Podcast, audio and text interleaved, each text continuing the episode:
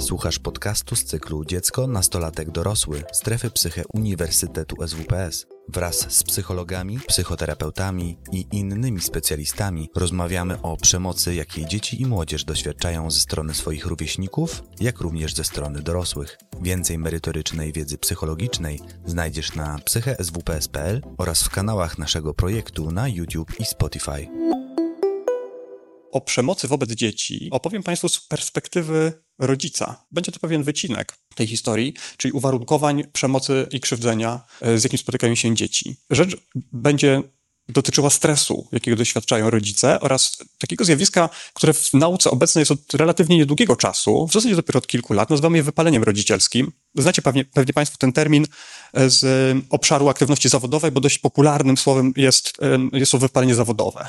Prawda? Nawet jak Państwo nie wiecie dokładnie, czym ono jest, albo sami nie doświadczyliście, to na pewno mniej więcej rozumiecie, o co chodzi.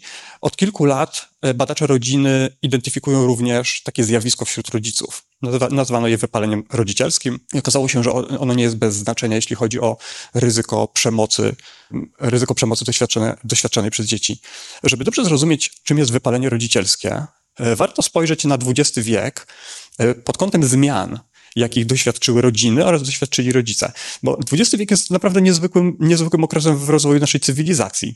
Czyli od czasów Sumerów i Babilończyków, e, prawda, w życiu dzieci tak naprawdę niewiele się zmieniało, e, ponieważ one wciąż były w bardzo dużym stopniu wykorzystywane bądź krzywdzone. To jeszcze 100 lat temu, gdybyśmy, gdybyśmy, byli w stanie przewinąć się o 100 lat wstecz, to bez trudu znaleźlibyśmy na przykład um, chociażby w Wielkiej Brytanii dzieci pracujące w kopalni, prawda? albo pięciolatków czy sześciolatków, którzy um, byli na linię spuszczani do komina, żeby czyścić ten komin z sadzy. W XX wieku zmieniło się bardzo dużo i te, te, zmiany zazwyczaj były zmianami na lepsze.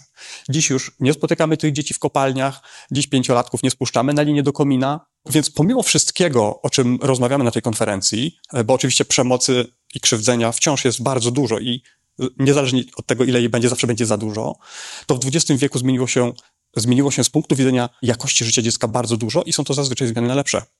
Ale oprócz tego, że zmieniło się życie dziecka, zmieniło się też życie jego rodziców. E, I niektóre z tych zmian są takie dość paradoksalne, bo wraz z ochroną praw dziecka, właśnie paradoksalnie, trochę rykoszetem, wzrosły też wymagania w stosunku do rodziców przepis, aktualny przepis, pewien stereotyp roli rodzica jest naprawdę wymagający z punktu widzenia wielu osób, które nie mają wystarczających kompetencji, do, na przykład kompetencji emocjonalnych, do tego, żeby realizować rolę rodzica zgodnie z aktualnym przepisem roli. Ponieważ, żeby ochronić rozwój dziecka, który znamy już dość dobrze, czyli wiemy mniej więcej, czego dzieci potrzebują, kiedy mają pół roku, kiedy mają dwa lata, kiedy mają pięć lat, żeby zapewnić im optymalne warunki rozwoju. E, bardzo często są to kwestie relacyjne, relacyjne, emocjonalne, pewnej wrażliwości, e, na przykład odzwierciedlania emocji dziecka, prawda? Kiedy widzimy, że pięciolatek doświadcza jakiegoś stresu, niepokoju, e, no to co możemy zrobić? Prawda? 100 lat temu czy 200 lat temu, no i oczywiście obecnie też w wielu, wielu rodzinach, takie dziecko spotka się z komunikatem, na przykład przestań beczeć, prawda? albo przestań się tak zachowywać, albo strasznie mi wstyd za to, co robisz. Co powinniśmy zrobić w tej sytuacji? No powinniśmy przede wszystkim zrobi wiele rzeczy, ale jedno z nich nie będzie odzwierciedlenie uczuć tego dziecka. Zauważamy to, co się dzieje, prawda? Mówimy, widzę, że to, ta sytuacja, prawda, wizyta u lekarza dla ciebie naprawdę stresująca. Ja to naprawdę rozumiem, wiesz, bo jak ja byłem mały, to dla mnie to też było stresujące. Więc to jest zupełnie jasne, że ty się tak czujesz. Tego wymagamy od rodziców. Na szczęście, bo to jest to, co należy robić. Ale nie wszyscy to potrafią. Z różnych powodów. Czasami nie mieli się gdzie tego nauczyć. E, summa summarum, rodzicielstwo w XX wieku stało się bardziej wymagające i trudniejsze, a jeżeli coś stało się wymagające i trudniejsze, no to oczywiście powinno to mieć, będzie to miało jakieś swoje konsekwencje. Konsekwencje dla tej osoby, która tego doświadcza. E, kiedy stajemy w obliczu sytuacji, która wydaje nam się zbyt trudna dla nas, trudna do, trudna do poradzenia sobie, e, no to to, czego doświadczamy w psychologii nazywamy stresem.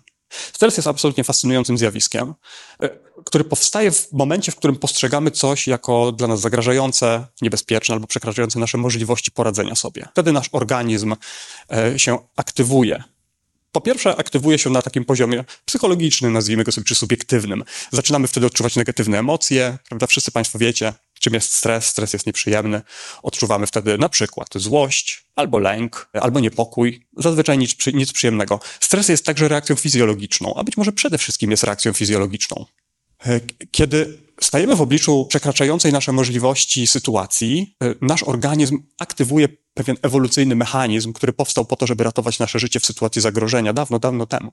E, w czasach, kiedy my, Homo sapiens, żyliśmy w małych grupkach zbieracko-łowieckich, żyliśmy na sawannie, ciągle zagrożeni przez, przez, przez drapieżniki, zostaliśmy przez ewolucję wyposażeni w ten w, w mechanizm ochrony. W skrócie moglibyśmy go nazwać osią stresu bądź też osią HPA. To są takie trzy bardzo ważne ośrodki w naszym organizmie, które zarządzają reakcją stresową. A więc pierwszym z tych ośrodków, który aktywuje się wtedy, kiedy stajemy wobec sytuacji, która jest dla nas za trudna albo zagrażająca, jest podzgórze. Podzgórze zaczyna produkować, mm, produkować pewną substancję chemiczną, pewien neuroprzekaźnik, E, kortykotropinę, która aktywuje kolejny ośrodek, czyli przysadkę mózgową, która zaczyna produkować kortykoliberynę. Następnie aktywuj, aktywowana jest kora nadnerczy, która produkuje najsłynniejszy hormon stresowy, czyli kortyzol, który wszyscy znamy. Działanie tych substancji chemicznych sprawia, że stajemy, stajemy w gotowości. Na, do naszych mięśni dociera więcej krwi, nasz mózg zaczyna zużywać intensywnie glukozę, nasza uwaga koncentruje się na zagrażającym bodźcu, przestajemy zauważać rzeczy dookoła, nasza uwaga jest bardzo skoncentrowana na jednej rzeczy. Cały nasz organizm staje w gotowości do tego, żeby poradzić sobie z zagrożeniem. I kiedy nam się udaje, czyli na przykład uciekamy przed czymś, co nam zagraża, albo udaje nam się pokonać przeciwnika e, i, no, i stwierdzamy, że już jesteśmy bezpieczni, wtedy ta reakcja stresowa zaczyna zanikać. Ale co się stanie, kiedy tak nie będzie? A więc kiedy bodziec stresu, ten, ten stresujący nas, to, to zagrażające, przekraczające nasze możliwość zdarzenie nie ustępuje, ponieważ albo nie jesteśmy w stanie się od niego oddalić, albo nie jesteśmy w stanie go w jakiś sposób um, pokonać, jeżeli to jest jakiś obiekt, z którym jesteśmy w stanie walczyć na przykład. E, uważa się, że e, zasoby organizmu każdego, każdego człowieka są skończone, a więc każdy człowiek w którymś momencie musi ustąpić. Każdego z nas da się tak zestresować, tak wyczerpać, że w końcu zaczniemy odczuwać to na poziomie na przykład naszego zdrowia somatycznego. Zaczniemy chorować częściej, nasza odporność spadnie. Pojawią się e, także takie psychologiczne konsekwencje tej sytuacji, o których jeszcze za chwilę. Nazywamy to wyczerpaniem, które pojawia się w różnym czasie u różnych ludzi, ponieważ jest to pewna różnica indywidualna. W związku z tym, o czym powiedziałem Państwu wcześniej, od kilkunastu lat już psychologowie zajmują się również tematem stresu rodzicielskiego, który ma oczywiście, spełnia wszelkie kryteria stresu. Z tym tylko, że badamy ten stres w pewnym określonym wycinku rzeczywistości, czyli wśród rodziców, którzy twierdzą, że to rodzicielstwo jest dla nich źródłem stresu, czyli tym przekraczającym ich możliwości, zagrażającym, mm, zagrażającym bądź, bądź zbyt trudnym dla nich wydarzeniem, zadaniem. No i wtedy pojawiają się te wszystkie, te, te wszystkie reakcje, o których Państwu powiedziałem. Mm, to, co, charaktery, co, co jest może nie wyjątkowe dla stresu rodzicielskiego, ale charakterystyczne to to, że stres rodzicielski jest często przewlekły, ponieważ rodzicielstwo jest rolą, którą realizuje się co dzień. 7 dni w tygodniu, 365 dni w roku, prawda? A w, w lata przestępne nawet dłużej. ale cała reszta, e, cała reszta pasuje do tej układanki. A więc rodzicielstwo też po prostu jest dla ludzi stresujące. To myślę, że każdy z Państwa, kto, kto jest rodzicem, jest w stanie się ze mną zgodzić. Rodzicielstwo po prostu bywa stresujące. Ale dla niektórych bywa mniej, a dla niektórych bywa bardziej. Kiedy rodzicielstwo jest po pierwsze bardziej stresujące, a więc ten poziom stresu rodzicielskiego jest wysoki, e, a po drugie ten stres jest długotrwały, od razu gdyby ktoś z Państwa pytał, jak długotrwały, to muszę powiedzieć, że nie wiem, ponieważ nie przeprowadzono takich badań, które by, które by pozwoliły nam odpowiedzieć na pytanie, jak długo stres rodzicielski nasilony musi trwać, żeby doszło do tego, co nazywam tutaj wypaleniem. Mm, więc na razie to zostawię. Wiemy na chwilę obecną tyle, że jeżeli stres rodzicielski jest wystarczająco długi, cokolwiek by to nie miało znaczyć, w którymś momencie u takiego rodzica możemy zaobserwować objawy wypalenia rodzicielskiego. Cztery główne objawy wypalenia rodzicielskiego dotychczas zidentyfikowane i one stanowią taki konglomerat symptomów, które kiedy zaobserwujemy je razem, to możemy przewidywać, że w przypadku tej, tej określonej osoby, tego rodzica mamy do czynienia z wypaleniem rodzicielskim. Jednym z nich przez wielu badaczy uważanym za najważniejszy jest wyczerpanie rolą rodzicielską. Rodzice wypaleni twierdzą, że rodzicielstwo jest dla nich absolutnie wyczerpujące, że oni nie mają już siły na realizowanie tej roli, że każdą możliwą energię, jaką byli w stanie z siebie wykrzesać, to oni już wykrzesali, już nie mają więcej. E, za tym podąża utrata przyjemności z realizowania roli rodzica. Obserwujemy, prawda, wtedy spadek. Kiedyś, rok temu, dwa lata temu, pięć lat temu, rodzicielstwo było dla kogoś bardziej satysfakcjonujące, było częściej źródłem pozytywnych emocji, ale to już się skończyło. Teraz tak nie jest, albo jest w mniejszym stopniu. Pewnym, pewnym, pewnym mechanizmem samobrony, jak się wydaje, e, w takiej sytuacji jest dystansowanie się e, od dziecka. To nie jest od razu Państwu powiem skuteczna metoda, e, ale obserwujemy to, że rodzice doświadczający wypalenia starają się zdystansować emocjonalnie, zwłaszcza od swoich dzieci, czyli ograniczają swoją aktywność głównie do zaspokajania podstawowych potrzeb. Potrzeb biologicznych, takich potrzeb związanych z podstawową opieką, prawda? Czyli lekarz, szpital, szkoła, e, nie wiem, obiad, kolacja, ale starają się do minimum ograniczyć angażowanie emocjonalne w kontakty z dziećmi zabawy, roz, rozmawianie z nimi, interesowanie się ich sprawami.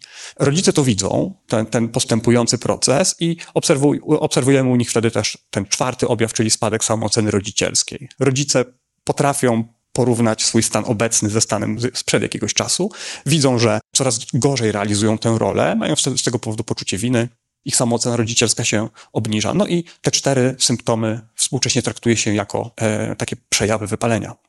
Jak do tego wypalenia rodzicielskiego dochodzi? E, wyjaśniając, e, wyjaśniając przyczyny wypalenia rodzicielskiego, zazwyczaj odwołujemy się do, do koncepcji stresowych. W koncepcjach stresowych zakłada się, że stres jest pewną formą relacji między jednostką a środowiskiem.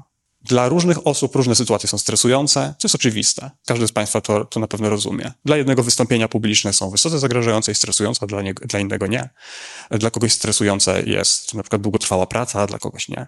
Czemu? No oczywiście chodzi o tę relację. Chodzi o to, że każdy z nas ma różne zasoby, różne oczekiwania, różne wartości i one sprawiają, że kiedy pojawia się jakiś bodziec z zewnątrz, no to dla jednej osoby to będzie zagrażające i przekraczające możliwości, dla innej nie. Tak też podchodzi się do problematyki wypalenia. Zakładając, że w przypadku każdego rodzica możemy zaobserwować po pierwsze jakieś czynniki ryzyka, takie obciążenia. To mogą być i zazwyczaj są pewne cechy samego rodzica, pewne jego charakterystyki. Chociażby perfekcjonizm jest takim bardzo często wspominanym przez badaczy wypalenia czynnikiem ryzyka. Rodzice perfekcjoniści oczekują od siebie bardzo dużo, bardzo dużo oczekują też często od swoich dzieci. Odstępstwa od tych ich oczekiwań, od tych ich standardów są dla nich trudne, stresujące, wywołują konflikty z tego powodu. No więc poziom stresu oczywiście jest wyższy. Widzicie Państwo na, na tym slajdzie jeszcze kilka takich bardzo często wspominanych, popularnych, e, popularnych w badaniach naukowych czynników ryzyka. Ale żadna z tych cech sama w sobie nie, nie może być potraktowana przez nas jako przyczyna wypalenia. No bo skoro to jest relacja, to ważne jest też to, to co po drugiej stronie, a więc czy w doświadczeniu danego rodzica mamy też do czynienia z jakimiś czynnikami ochronnymi. Prawda? Jeżeli ktoś jest perfekcjonistą i rodzicielstwo z tego powodu jest dla niego stresujące, to być może ma na przykład partnera, który nieco tonuje, e, prawda, Re, relacje w tej rodzinie. Czyli czasem mówi, no nie bez przesady. Nie, no przecież może, nie musi zawsze dostawać tych piątek. Nie, no dajmy spokój.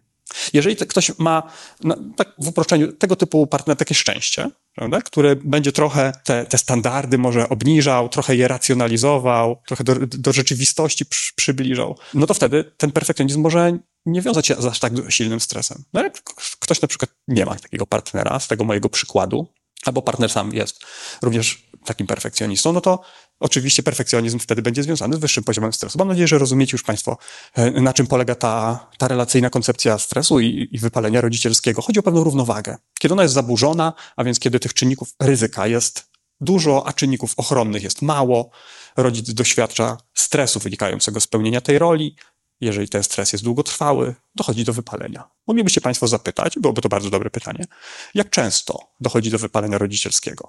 Taki poziom wypalenia, który w badaniach czasem nazywa się subklinicznym albo wysokim stopniem wypalenia, identyfikuje się wśród 8, 5, 3% rodziców. W różnych krajach te wartości są różne, chociaż różnice między nimi nie są jakieś szalone. Jak Państwo widzicie, e, na tym, na tym slajdzie starałem się zaznaczyć nasz kraj i wyróżnić go w jakiś sposób, bo w literaturze dotyczącej wypalenia rodzicielskiego Polska ma specjalne miejsce, proszę Państwa. Okazuje się, że w badaniach, które prowadzi się w naszym kraju, e, które mają na celu zidentyfikowanie e, w dużych ogólnopolskich próbach odsetka rodziców, którzy doświadczają silnego wypalenia, jest jednym z najwyższych na świecie. Towarzyszą nam takie nacje jak chociażby Belgowie albo Amerykanie, którzy również uchodzą w literaturze naukowej e, za, za, za te kraje, które są krajami pod, pewnego podwyższonego ryzyka. Wygląda na to z, z badań, które przeprowadzono, Trzeba powiedzieć, że nie, nie, jest ich zbyt dużo, ale w jednym z badań, w których porówno, porównano 40 krajów, 42 dokładnie rzecz biorąc, um, okazało się, że, nie, że, że częściej obserwujemy nis, niższy poziom tego ekstremalnego wypalenia w kulturach kolektywnych. E, mniej silnie wypalonych rodziców jest na przykład wśród japońskich rodziców, wśród wietnamskich rodziców, więcej wśród europejskich rodziców, czy północnoamerykańskich, czyli z takich kultur tradycyjnie uznawanych za bardziej indywidualistyczne, co wiąże się z tym e, e, mniejszym wsparciem społecznym. W kulturach indywidualistycznych pewnym ideałem życia dla młodych ludzi jest pewne odseparowanie się od rodziny pochodzenia. Prawda? Młodzi ludzie marzą, żeby się wyprowadzić, odciąć trochę, samodzielnić. To ma swoje wady i zalety.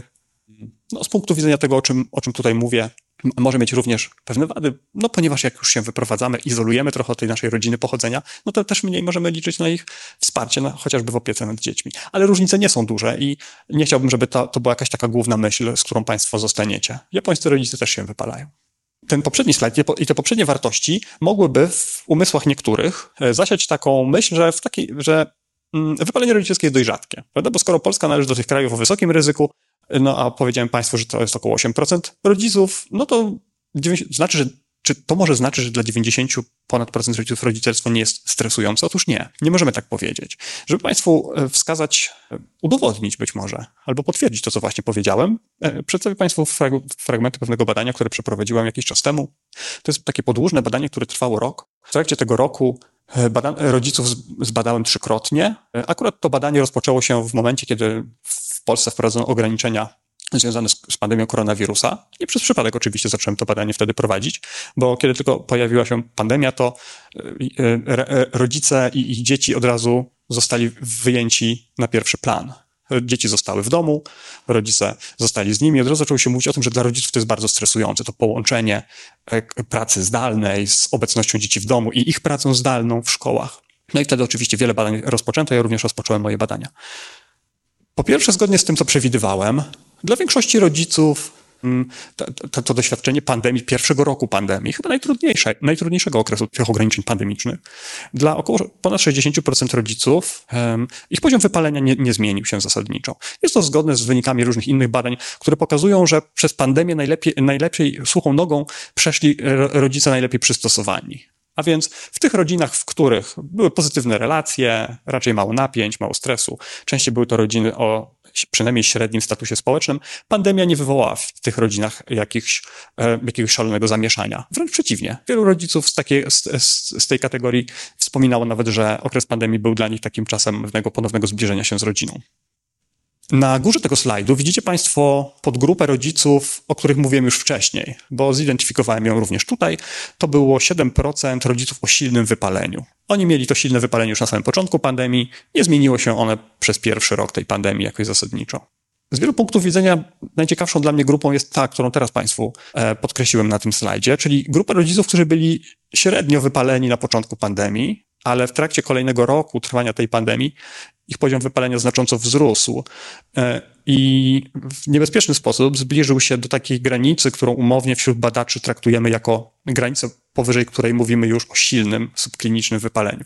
Ta granica akurat na tej skali, którą tutaj się posługuje, wynosi 89, 89 punktów, ale to pewnie taka umowna granica.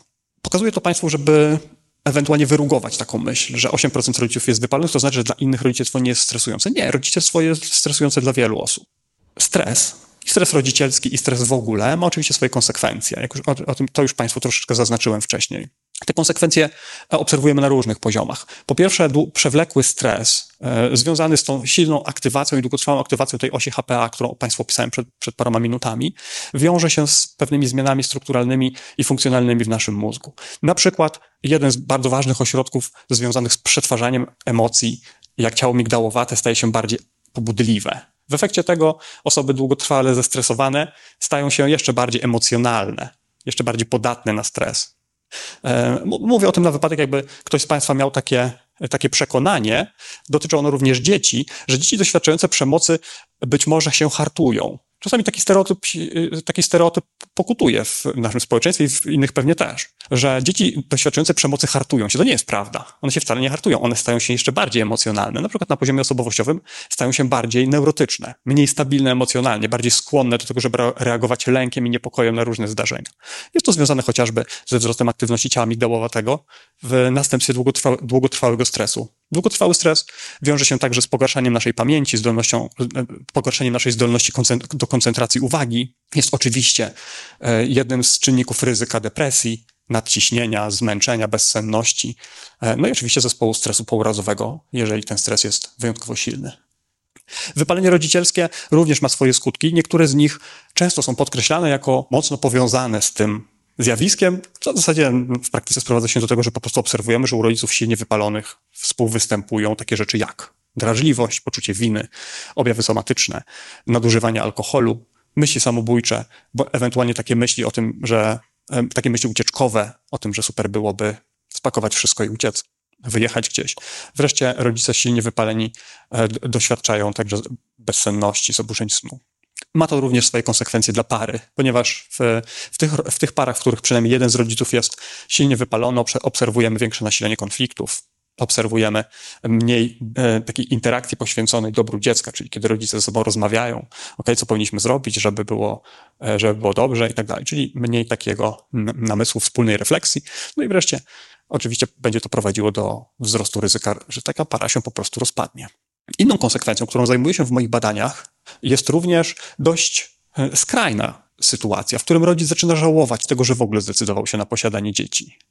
Takie zjawisko oczywiście jest obserwowane, mało o nim wiemy. E, cztery nacje, które państwo, państwo teraz widzicie na waszych ekranach, to w zasadzie jedyne cztery kraje, w których przeprowadzono duże, takie populacyjne badania, z których możemy wyciągać jakieś wnioski na temat tego, jak wiele osób w danym kraju na przykład żałuje tego, że ma dzieci. Te wartości są dość zbliżone. Nie możemy tak bezpośrednio i łatwo porównać ze sobą tych wyników, mówiąc, że Amerykanów, że skoro w Stanach Zjednoczonych czy w Niemczech zaobserwowano 7-8%, a w Wielkiej Brytanii na przykład 11-13, to znaczy, że w Wielkiej Brytanii jest dwa razy więcej, czy dwa razy częstsze występowanie tego żałowania, to niestety w tych badaniach brały udział różne osoby.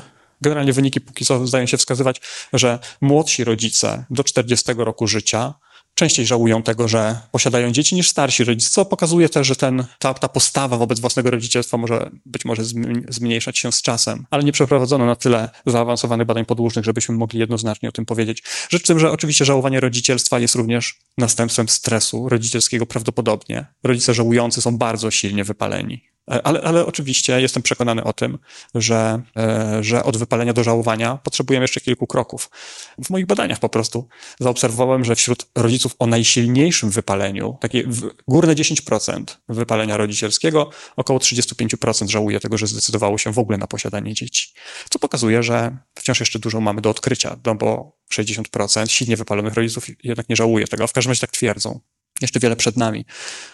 Wypalenie rodzicielskie ma oczywiście również skutki dla dzieci. W zasadzie przyszedłem tutaj po to, żeby Państwu o tym opowiedzieć. Że wypalenie rodzicielskie ma również skutki dla dzieci w postaci takiej, że rodzic wypalony zmienia swoje zachowanie w stosunku do niego. W badaniach podłużnych wykazano, że postępujące wypalenie u rodzica współwystępuje z wyższym nasileniem zaniedbania e, bądź też przemocy wobec takiego dziecka.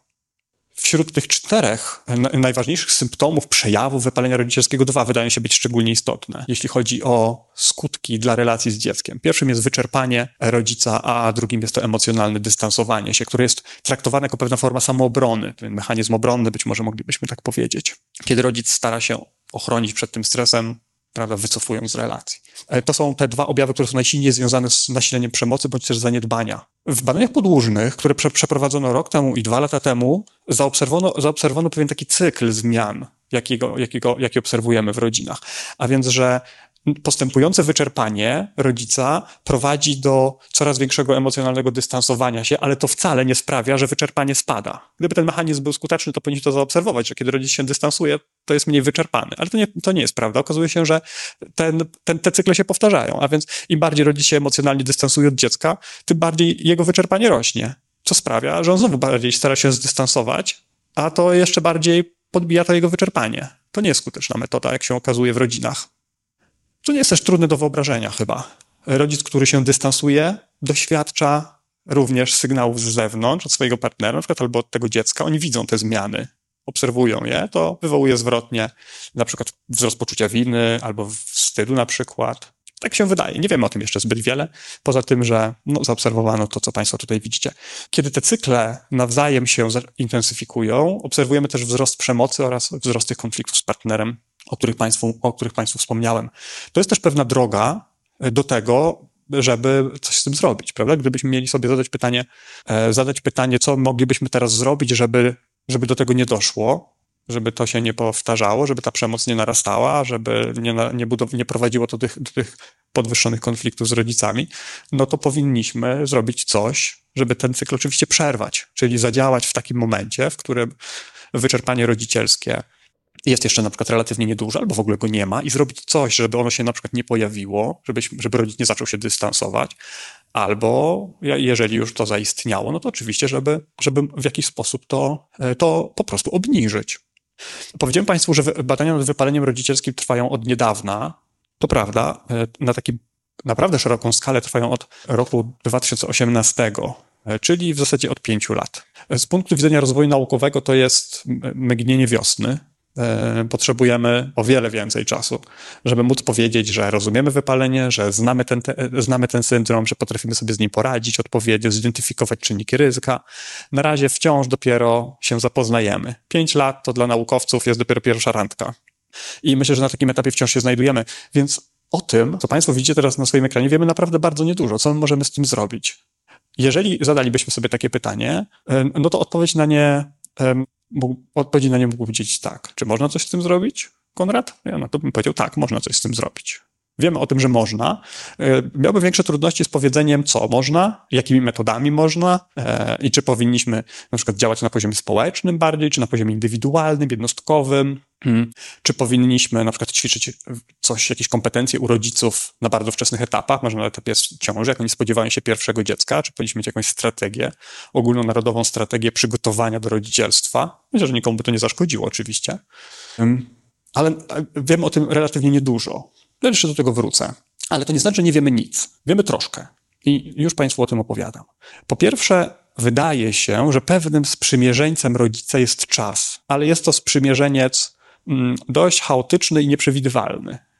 Owszem, jest pewna szansa, że wyczerpanie rodzicielskie, wypalenie rodzicielskie może zmniejszać się z czasem. A więc, jeżeli ktoś, rodzic, doświadcza tego, o czym Państwu tutaj opowiedziałem, identyfikuje się jako osoba silnie wypalona, albo ktoś w kontakcie z psychologiem dowie się, że to chyba jest wyczerpanie, wypalenie rodzicielskie, przepraszam, to on może sobie pomyśleć, okej, okay, no to może to minie. Prawda? Rodzice, mm. rodzice obserwują też pewne zmiany tego rodzicielstwa w czasie, udzielając sobie pewne, to na poziomie praktycznym zamienia się w pewne takie porady, jakich my rodzice sobie udzielamy nawzajem, prawda? Czyli ktoś na przykład mówi, że wiemy o kimś, że jest od paru miesięcy rodzicem, prawda? Spotykamy go, on mówi, że jest naprawdę zmęczony, naprawdę wyczerpany, że inaczej to sobie wyobrażał. I my mu na to, mając na przykład starsze dzieci, przypominamy sobie, jak to było i mówimy mu spokojnie, poczekaj do końca pierwszego roku, potem będzie łatwiej. Potem go spotykamy, prawda, kiedy jego dziecko jest już w drugim roku życia i on znowu mówi, prawda, no tak, coś się zmieniło, ale no, jestem naprawdę już zmęczony, wyczerpany, nie śpię po nocach, prawda, nie dojadam. A ty mówię, poczekaj, jak już skończy trzy lata, to będzie naprawdę, już wtedy jest o wiele łatwiej. Bo ro, rzeczywiście rodzice to obserwują, prawda? Im dzieci są starsze, no z wielu punktów widzenia e, opieka nad nimi staje się łatwiejsza.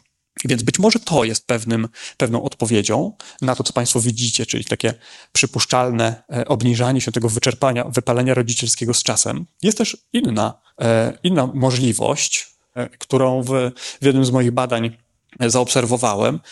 Rzecz w tym, że wraz z, tym, wraz ze wzrastaniem dzieci i z, tą z tym realizowaniem roli rodzica również my się zmieniamy, czyli my, rodzice, mam tutaj na myśli dorosłych. rodzice się zmieniają w też w sposób naturalny. Jak nie mają dzieci, też się zmieniają dorośli. Po prostu nasza osobowość się zmienia.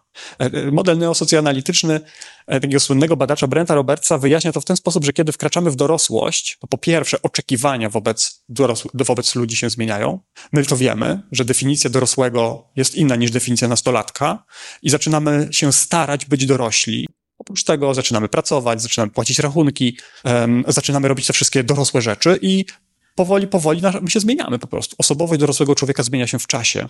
Mm. Kiedyś przypuszczano, że około 30 roku życia zmiany osobowości takie normatywne są, się zatrzymują w dużym stopniu i po 30 roku życia tych zmian jest już niewiele, ale nie wydaje się, żeby to była prawda. E, to było takie założenie oparte na mocno biologicznej koncepcji osobowości, e, ale współczesne modele raczej tego nie potwierdzają. Wydaje się, że osobowość może się zmieniać przez całe życie. Fakt, że po 30 czy po 40 tych zmian jest mniej, wynika prawdopodobnie z tego, że wtedy życie staje się bardziej stabilne. Więc kiedy jednostka zostaje rodzicem, to rzeczywiście w perspektywie 5, 6, 10, 15 lat ona może na przykład stać się bardziej stabilna emocjonalnie. To jest przeciwieństwo takiej cechy, jednej z ulubionej cech psychologów, czyli neurotyczności. E, neurotyczność zmniejsza się w pewnym stopniu z wiekiem. Przyrastają za to takie charakterystyki, które nazywamy zbiorczym, zbiorczą taką etykietą sumienności. Pewne zorganizowanie, e, zamiłowanie do tego, żeby realizować rzeczy zgodnie z planem, że jak coś, na coś się umówimy, to dotrzymujemy słowa, to nazywamy sumiennością i tego z kolei przyrasta ludziom z czasem. I to prawdopodobnie jest jednym z elementów sprawiających, że kiedy obserwujemy siebie sprzed paru lat, sprzed pięciu, czy siedmiu, czy dziesięciu lat, no to możemy obserwować, że wtedy było na przykład rodzicielstwo bardziej stresujące, a teraz jest mniej stresujące i to obserwujemy też w, w postaci tego, że to wypalenie jest trochę niższe. Ale ten efekt jest naprawdę nieduży. Dlatego zacząłem ten fragment od tego, żeby Państwu powiedzieć, że czas jest bardzo takim nierzetelnym sprzymierzeńcem. Oczekiwanie, że trzeba poczekać, za pięć lat wypalenie mi się obniży na pewno, jest bardzo ryzykowne i naprawdę nikomu bym nie polecał czekać. Nie polecałbym czekać też z tego powodu, e, że badania, które teraz prowadzimy e, oraz badanie, które przeprowadzono mniej więcej rok temu w Belgii na Uniwersytecie w Leuven, e, sugerują, że wypalenie rodzicielskie jest taką charakterystyką, która jest dość podatna na oddziaływania psychologiczne. Znowu, Niewiele o tym wiemy. To badanie belgijskie, o którym Państwu wspomniałem, przeprowadzone przez, przez Moirę Mikołajczak oraz Izabelę Roskam, e, to jest jak dotąd jedyne opublikowane badanie, w którym za cel interwencji psychologicznej przyjęto wypalenie rodzicielskie. Przeprowadzono mm, badanie zgod, zgodnie, e, przeprowadzono rzetelne, eksperymentalne badanie najpierw dobrano odpowiednią grupę matek, bo w tym badaniu brały udział kobiety, następnie losowo przydzielono je do różnych grup, następnie w jednej z grup zastosowano pewną interwencję, w innej zastosowano inną interwencję. Po ośmiu tygodniach okazało się, że e, poziom tego wypalenia rodzicielskiego jest znacznie niższy. E, badaczki te belgijskie wróciły do rodziców po trzech miesiącach obserwując, że ten poziom wypalenia był wciąż nis, ni, niższy, znacznie niższy niż wcześniej. E, więc wniosek z tych badań był taki, że co najmniej trzy miesiące po tej naszej interwencji rodzice są mniej wypaleni niż byli wcześniej. My prowadzimy również w naszym zespole takie badanie, może zbliżone badanie. Mm, tutaj widzicie Państwo pewien fragment. Po lewej stronie nazwałem, nazwałem to pretestem. To jest poziom wypalenia rodzicielskiego w trzech grupach przed jakimkolwiek działaniem. E, po prawej stronie widzicie pierwszy post-test, czyli pierwszy pomiar, który został przeprowadzony 24 do 48 godzin po zakończeniu tej pierwszej fazy naszego eksperymentu. Linia pozioma, którą widzicie na ekranie, to jest tak zwana grupa kontrolna, mm, która w naszym w naszym przypadku miała charakter tak zwanej waiting list. To byli rodzice, których, którzy czekali wciąż na interwencję. Czyli przez te 8 tygodni, a właśnie, nie powiedziałem Państwu, że to trwało 8 tygodni, przez te 8 tygodni w tej grupie waiting list, grupie kontrolnej nic się nie zmieniło. Ich poziom wypalenia po 8 tygodniach był taki sam jak na początku. Ale w dwóch grupach, których, w których prowadziliśmy nasze, nasze badanie, prowadziliśmy naszą interwencję, okazało się, że poziom wypalenia jest istotnie niższy. Nie mogę w żaden sposób powiedzieć, że na podstawie tego badania może, moglibyśmy wyciągać wniosek, że ci wypaleni, silnie wypaleni rodzice, a tylko takich braliśmy do naszego badania, po tych 8 tygodniach już nie są wypaleni. To nie jest prawda, bo zaobserwowaliśmy spadek mniej więcej z 85, powiedzmy 80-85 punktów do około 50, więc zeszliśmy z, z takiego pułapu silnego wypalenia do takiego umiarkowanego po 8 tygodniach. Ale jeżeli to, co zrobiliśmy, okaże się rzeczywiście skuteczne, to za 3 miesiące te linie te linie tego spadku będą bardziej pogłębione. A za 6 miesięcy, bo taki mamy plan, żeby spotkać też tych rodziców za 6 miesięcy, być może jeszcze e, mniejszy. Zobaczymy. Rzecz w tym, że wydaje się, że można coś zrobić. E, najpierw trzeba to dobrze poznać, a potem wypracować jakieś mechanizmy, jakieś narzędzia, żeby, e, żeby to zastosować. Mm, podsumowując tę moją projekcję, chciałbym zwrócić Państwa uwagę na, na, na pewną rzecz, o której rzadko się mówi. Ponieważ dużo miejsca poświęcamy, poświęcamy dzieciom i nauczyliśmy się bardzo dobrze, nie, przepraszam, to za duże słowo, nie, nie, że nauczyliśmy się bardzo dobrze, ale nauczyliśmy się być uwrażliwionymi na ich potrzeby. Zacząłem od tego, że w XX wieku naprawdę dużo się zmieniło. Nie tyle, ile byśmy chcieli, ale sporo. Ta moja prelekcja miała służyć temu, żeby zwrócić uwagę również na tę drugą stronę, mianowicie, że rodzicielstwo samo w sobie też jest dość stresujące. I, i to jest pewne ryzyko dla nas jako społeczeństw, bo z czego wynika ten, stres, ten, ten, ten stres rodzicielski, który prowadzi do tego wypalenia, o którym wam mówiłem? On wydaje się wynikać w dużej mierze z pewnych zmian strukturalnych dotyczących całych społeczeństw. Pracujemy coraz dłużej, mamy coraz mniej czasu na to, żeby na przykład odpocząć, zregenerować się. Rodzicielstwo, jak już e, wspomniałem, też jest wymagającym zadaniem. Zawsze było wymagającym zadaniem, choć nie tak, jak, nie tak bardzo jak dziś. Ale jak to wszystko złożyć razem, to w w krajach zachodnich, zwłaszcza rozwiniętych, gdzie ciągle dążymy do tego, żeby PKB było jak najwyższe, żeby poziom bezrobocia był jak najniższy, żeby zarobki były jak najwyższe, żeby móc konsumować jak najwięcej. Doprowadziło to do takiej sytuacji, w której rola rodzica, naturalna dla wszystkich gatunków obecnych na tej planecie, dla Homo sapiens stała się pewnym czynnikiem ryzyka. Dla wielu w każdym razie. E, I to jest dość niebezpieczne zjawisko, które oczywiście ma swoje konsekwencje w postaci chociażby przemocy. Rodzice. Jest to również pewien, pewien taki, pewna taka nasza naturalna reakcja na stres, który jest źródłem negatywnych emocji dla nas, że my próbujemy coś z tym zrobić. I niestety, o tym jest też nasza konferencja, wielu rodziców sięga po destrukcyjne metody, niestety. Nie sięgają po metody takie, jakie byśmy my tutaj, prawda, zalecali nie idą do terapeuty na przykład, albo prawda, nie biorą udziału w jakichś fajnych e, eksperymentalnych badaniach na SWPS-ie, e, tylko jak zaczęła dziś od tego pani Jolanta Zmarzlik, pani profesor Agata Dębowska też o tym mówiła, wszyscy, wszyscy o tym mówili, że rodzice sięgają po destrukcyjne metody. Zaczynają wyżywać się na dzieciach, zaczynają odreagowywać ten swój stres i te swoje napięcia na dzieciach. I to jest coś, co musimy ukrócić. Może moglibyśmy zadziałać na różnych poziomach, czyli po pierwsze sprawić, żeby sprawiać, oczywiście to staramy się robić, żeby rodzice umieli ten stres odpowiednio przekierować i odpowiednio nim zarządzać, a drugą stroną jest to, żeby tego stresu po prostu było mniej. Na żadnym z tych pól póki co, no nie możemy powiedzieć, że osiągamy jakiś wielki sukces, e, no ale powoli może osiągamy małe sukcesy. Mam taką głęboką nadzieję. Gdyby ktoś z Państwa był zainteresowany badaniami, które prowadzimy w naszym zespole, e, no to zapraszam i zachęcam do zainteresowania się taką jednostką, jaką jest Centrum Badań nad Rozwojem Osobowości, którą, e, którą, którym mam przyjemność wielką i e, żeby kierować. Zachęcam Państwa do zapoznania się z moimi publikacjami. Gdyby ktoś z Państwa był zainteresowany prowadzeniem badań nad wypaleniem rodzicielskim, no to jeszcze bardziej zachęcam do tego, żeby się tym tematem zająć. Jest to temat mało znany, a mam nadzieję, że udało mi się Państwa przekonać do tego, że jest to temat ważny. Mm, a teraz już bardzo Państwu dziękuję. Patrzę na Asię, bo wiem, że udało mi się zmieścić w czasie. E, no i teraz sam siebie zapraszam na krótką rozmowę z koleżanką. Dziękuję Państwu. Dziękuję bardzo. Bardzo mi miło Państwa powitać. Cieszę się, że mogę zadać Panu doktorowi pytania, bo pytanie jest bardzo dużo. Także myślę, że musimy zaczynać. Mam nadzieję, że zdążymy. Pierwsze pytanie od Pani Doroty. Doktor już oczywiście wspominał o tym, ale ja mm, zadam wszystkie pytania, które Pani Dorota również tutaj zechciała przekazać. Jak przeciwdziałać wypaleniu rodzicielskiemu? I jak należy pracować nad kompetencjami wychowawczymi z rodzicami o obniżonym potencjale intelektualnym?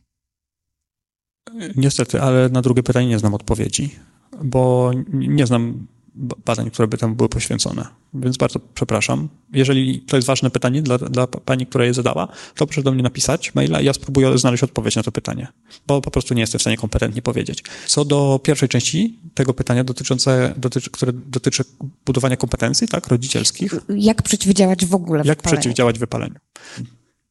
Mam nadzieję, że już Państwo wiecie, że nie, nie do końca jest to jeszcze jasne dla nas są takie charakterystyki, które są podkreślane jako szczególnie ważne czynniki ryzyka. Na przykład jest im niska zdolność do radzenia sobie ze stresem. Tak, tak, taki styl radzenia sobie ze stresem skoncentrowany na emocjach na przykład. Kiedy koncentrujemy się na samym tym doświadczeniu emocji, zamiast na tym, jak poradzić sobie na przykład z jakąś sytuacją, która jest dla nas źródłem zagrożenia czy źródłem stresu. Więc wydaje się, że rozwinięcie sobie kompetencji, radzenia sobie ze stresem powinno w sposób naturalny być pomocne zbyt wysokie oczekiwania w stosunku do dzieci są również znanym czynnikiem ryzyka. Generalnie to jest w ogóle taka sprawa natury, powiedziałbym, społecznej, bo od lat 80, od lat 80., a w każdym razie tyle o, ty, o tym wiemy, wzrasta poziom perfekcjonizmu w krajach zachodnich, zwłaszcza rozwiniętych. Coraz więcej ludzi od siebie oczekują i coraz więcej oczekują też od swoich dzieci. Coraz trudniej jest im zaakceptować, że dzieci nie są nie mają samych świetnych piątek, nie, nie są super w sporcie, że nie są prawda, uporząd, uporządkowane, że są chaotyczne. Coraz trudniej jest rodzicom to zaakceptować. Więc per, i perfekcjonizm jest jednym z najczęściej też badanych cech w kontekście wypalenia i zawodowego, i rodzicielskiego. Więc no, kolejną rzeczą mógłbym powiedzieć, że e, wszelka praca nad urealnieniem swoich standardów wobec siebie jako rodzica oraz dziecka będzie też dobrym kierunkiem. Ponieważ to, wszystko to, o czym powiedziałem, te dwa przykłady, to nie są rzeczy, które my możemy zmienić tak intencjonalnie, prawda? Powiedzieć sobie, ok, no teraz nie będziesz perfekcjonistą, prawda? Albo ok, od teraz inaczej będziesz sobie radził ze stresem. Więc do tego potrzebny jest czasem specjalista, ktoś, kto z zewnątrz na nas spojrzy, kto z zewnątrz przeanalizuje sytuację i nam pomoże w tym. E, kolejne pytanie od pani Magdaleny. Mm, w jaki sposób, z jakich narzędzi korzystać e, osoba może, z jakich narzędzi ma korzystać osoba o wysokim poziomie neurotyczności, aby chronić się przed wypaleniem rodzicielskim? Dobrym, dobrą wiadomością jest już to, że to wiemy. Czyli wiemy, że wiele sytuacji jest dla nas stresujących, że jesteśmy osobami o wysokim poziomie neurotyczności.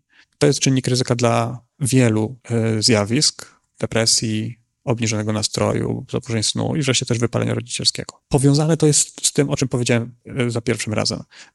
Przepraszam, co powiedziałem przed momentem, a podczas mojej prelekcji, kiedy pokazywałem Państwu taką uwagę, że neurotyczność jest, staje się może się stać przyczyną wypalenia wtedy, kiedy nie ma po drugiej stronie tych czynników wsparcia. Z neurotycznością nie, nie jest łatwo, że tak powiem, walczyć, prawda, bo to jest względnie stabilna cecha. Ona się nie zmienia z dnia na dzień, zmienia się bardzo powoli, w długiej perspektywie czasowej. Neurotycznym się zazwyczaj jest. I owszem, jak ma się 20 lat, to będzie się tak statystycznie bardziej neurotycznym niż jak się ma 40 lat, ale my musimy rzeczywiście czekać tyle, żeby to się obniżał powolutku, powolutku w trakcie naszego życia. Więc zazwyczaj z neurotyczność, neurotyczność trzeba zaakceptować i uznać, że okej, okay, takim się jest po prostu. No i poszukać tego, co można położyć na wadze po drugiej stronie. Jeżeli nie mamy wsparcia społecznego na przykład, to zastanówmy się, jak je, jak je zdobyć. Czyli czy my możemy poprosić kogoś o pomoc, ustawić trochę inaczej sytuację opieki, prawda? Może nie jest tak, że wszystko muszę robić sam czy sama, że może coś można zmienić, nie wiem, coś w pracy, prawda? No, czasami prawodawcy to wiedzą i czasami na przykład starają się jakoś pomóc rodzicom, prawda? A to dorzucają trochę pieniędzy, w ramach jakiejś pomocy społecznej, bo wiemy, że stres finansowy też jest takim czynnikiem ryzyka, a to starają się trochę ulżyć rodzicom, dając jakieś preferencyjne warunki brania urlopów, prawda, jak na przykład jak, jak ktoś ma dziecko i pracuje i to dziecko jest chore, to można iść na zwolnienie. To są wszystko takie rzeczy wsparcia. Jak, jak, jeżeli przy ich obecności ktoś jest wciąż stresowany, to znaczy, że na tej wadze po tej stronie tych, tych, tego wsparcia jest wciąż jeszcze za mało. Trzeba pomyśleć, co tam jeszcze można położyć. I myślę, że to jest taka strategia. Dobra, dziękuję serdecznie. Kolejne pytanie od e, pani Ani. Przenosimy się teraz już w zupełnie inną stronę. Czy wielodzietność rodziny w znaczący sposób predysponuje rodziców do wypalenia rodzicielskiego? Czy są jakieś różnice w stosunku do rodzin 2 plus 1, 2 plus 2? Że 2 plus 3? To jest bardzo dobre pytanie, bo ono naprowadza nas teraz na, na coś, o czym mało mówiłem podczas mojej prelekcji, teraz to zrozumiałem. E, e, szukając przyczyn wypalenia, zazwyczaj sięga się do cech samego rodzica, bo badania pokazują, że one są najważniejsze. Perfekcjonizm, neurotyczność, radzenie sobie ze stresem.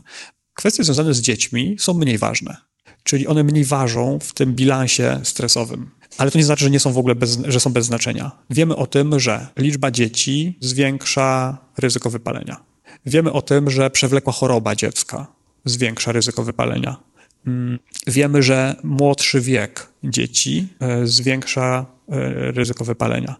Nie są to bardzo silne czynniki ryzyka, nie tak silne jak pewne cechy samego rodzica, czyli przy pewnej konfiguracji cech charakterystyk samego rodzica i pewnym poziomie wsparcia społecznego, to czy ma się dwójkę dzieci, czy trójkę, czy piątkę, versus czy ma się dziecko przewlekle chore, czy nie, może nie mieć wielkiego znaczenia. Ale jak nie ma tego, tych różnych rzeczy, to wtedy one zaczynają odgrywać rolę.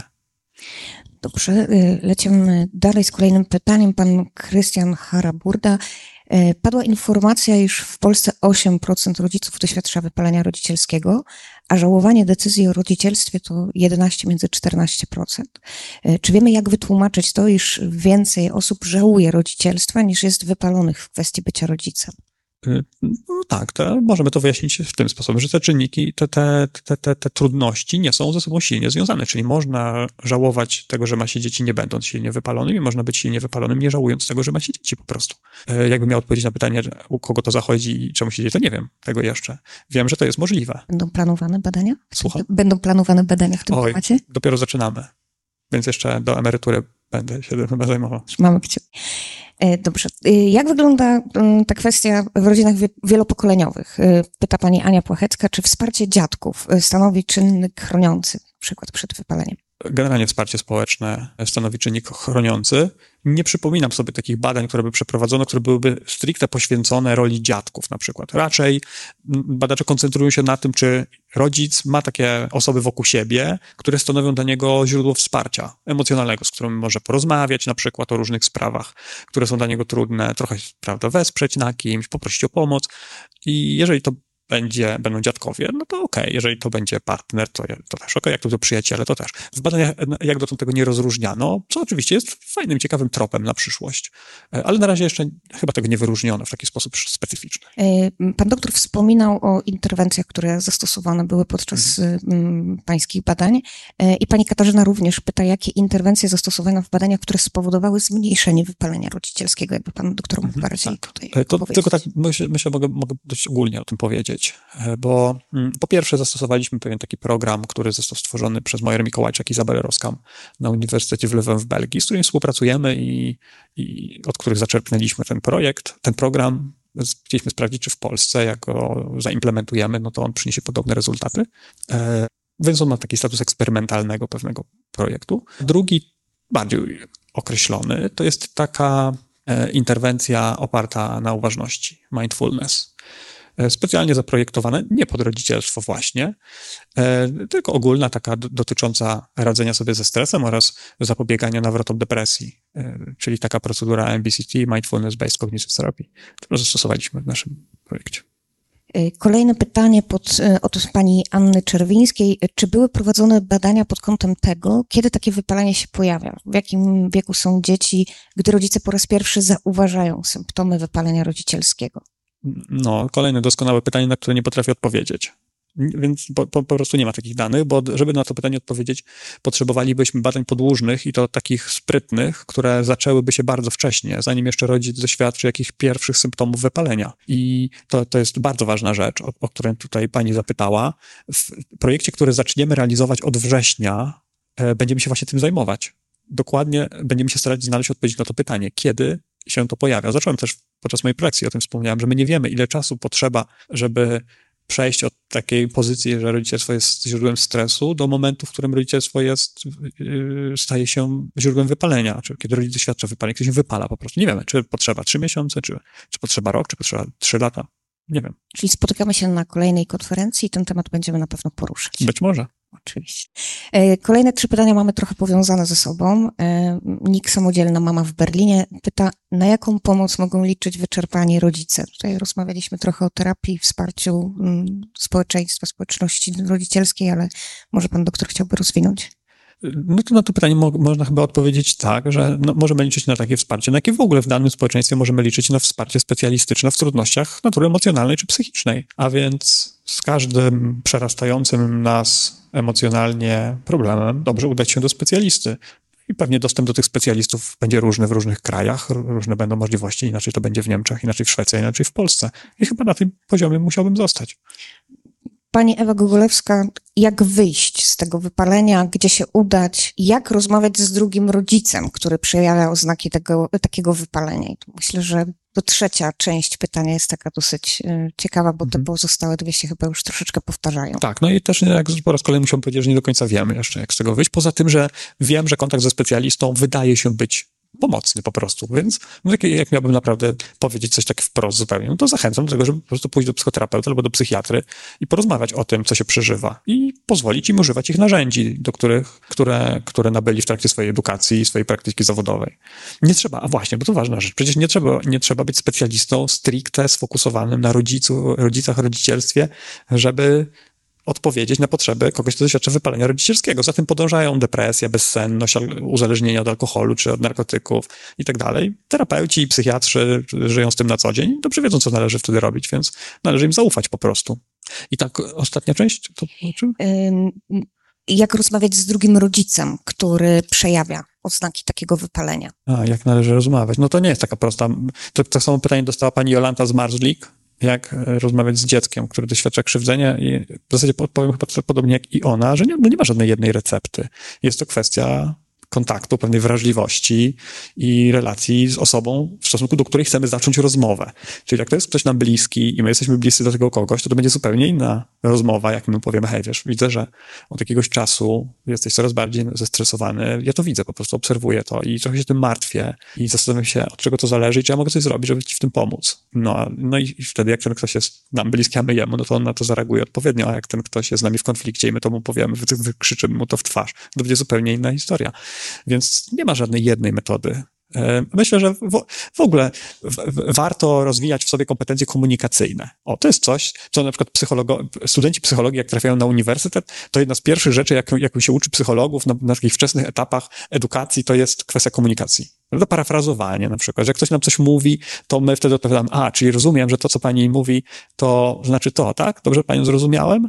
I mówi, no tak, dobrze. Albo, prawda, klaryfikujemy coś no to okej, okay, to na podstawie tego, co powiedziałeś, to ja rozumiem, że chodzi o to, tak? Dobrze to zrozumiałem? I no to, to jest coś, co trzeba w sobie ćwiczyć. To pomoże, zapewniam, i w relacji z dziećmi, i w relacji z naszymi partnerami, z szefami, ze wszystkim. I w ogóle po prostu próba rozmowy. Tak, tak, tak, dokładnie. E, czy istnieją badania na temat wypalenia rodziców dzieci z niepełnosprawnościami? Pyta pani Jola. Tak. E, istnieje kilka takich badań. Wiemy, że jest to czynnik ryzyka, e, silny czynnik stresowy przewlekłe, przewle, przewlekłe problemy zdrowotne. No i w zasadzie chyba tyle. No. Znów, to jest to coś, co sporo waży po tej stronie obciążeń i trzeba temu przeciwdziałać. Nie możemy zmienić dziecka, bo jak ono jest przewlekle chore, to my tego nie zmienimy. I nie, no i jeżeli nie, to nie. Więc musimy pomyśleć o tym, co zrobić, żeby to nie było dla nas tak obciążające. Trzeba się w ogóle odpowiedzieć sobie na pytanie, dlaczego to jest dla mnie tak obciążające. Chodzi o czas, chodzi o emocje, chodzi o oczekiwania, chodzi o moje plany, że wszystko runęło. O co chodzi? Czyli co jest tak naprawdę za tym? To jest efektem tego, że dziecko jest przewlekle chore właśnie. I jak to odkryjemy, no to wtedy pomyślimy, co trzeba położyć na tej wadze, żeby temu przeciwdziałać. Dostaję informację, że jesteśmy już dwie minuty po czasie, ale dostałam pozwolenie na ostatnie pytanie. Okay, także to ja będę szybko odpowiadał. Jestem odpowiedzialny tu za pilnowanie czasu. Tak, zdaję sobie sprawę. Mamy tutaj taki przykład. E, opiekun w kryzysie, choroba, dziecko kradnie pieniądze, opiekun uderza dziecko pasem, wchodzi procedura niebieskich kart. Procedura w takiej sytuacji jest obowiązkowa, a jednak w rodzinie w kryzysie powoduje większy żal i poczucie krzywdy. Czy są jakieś sposoby, by taki pracownik mógł bardziej wspomagać rodzinę? I takie pytanie zadała pani Magdalena żeby pracownik, który jest świadkiem tej sytuacji z tą niebieską kartą, mógł pomóc tej rodzinie? Z tego, co do mnie było, to tak. Mogę przeczytać jeszcze raz, bo to jest przeklejone pytanie wprost. Opiekun w kryzysie, choroba.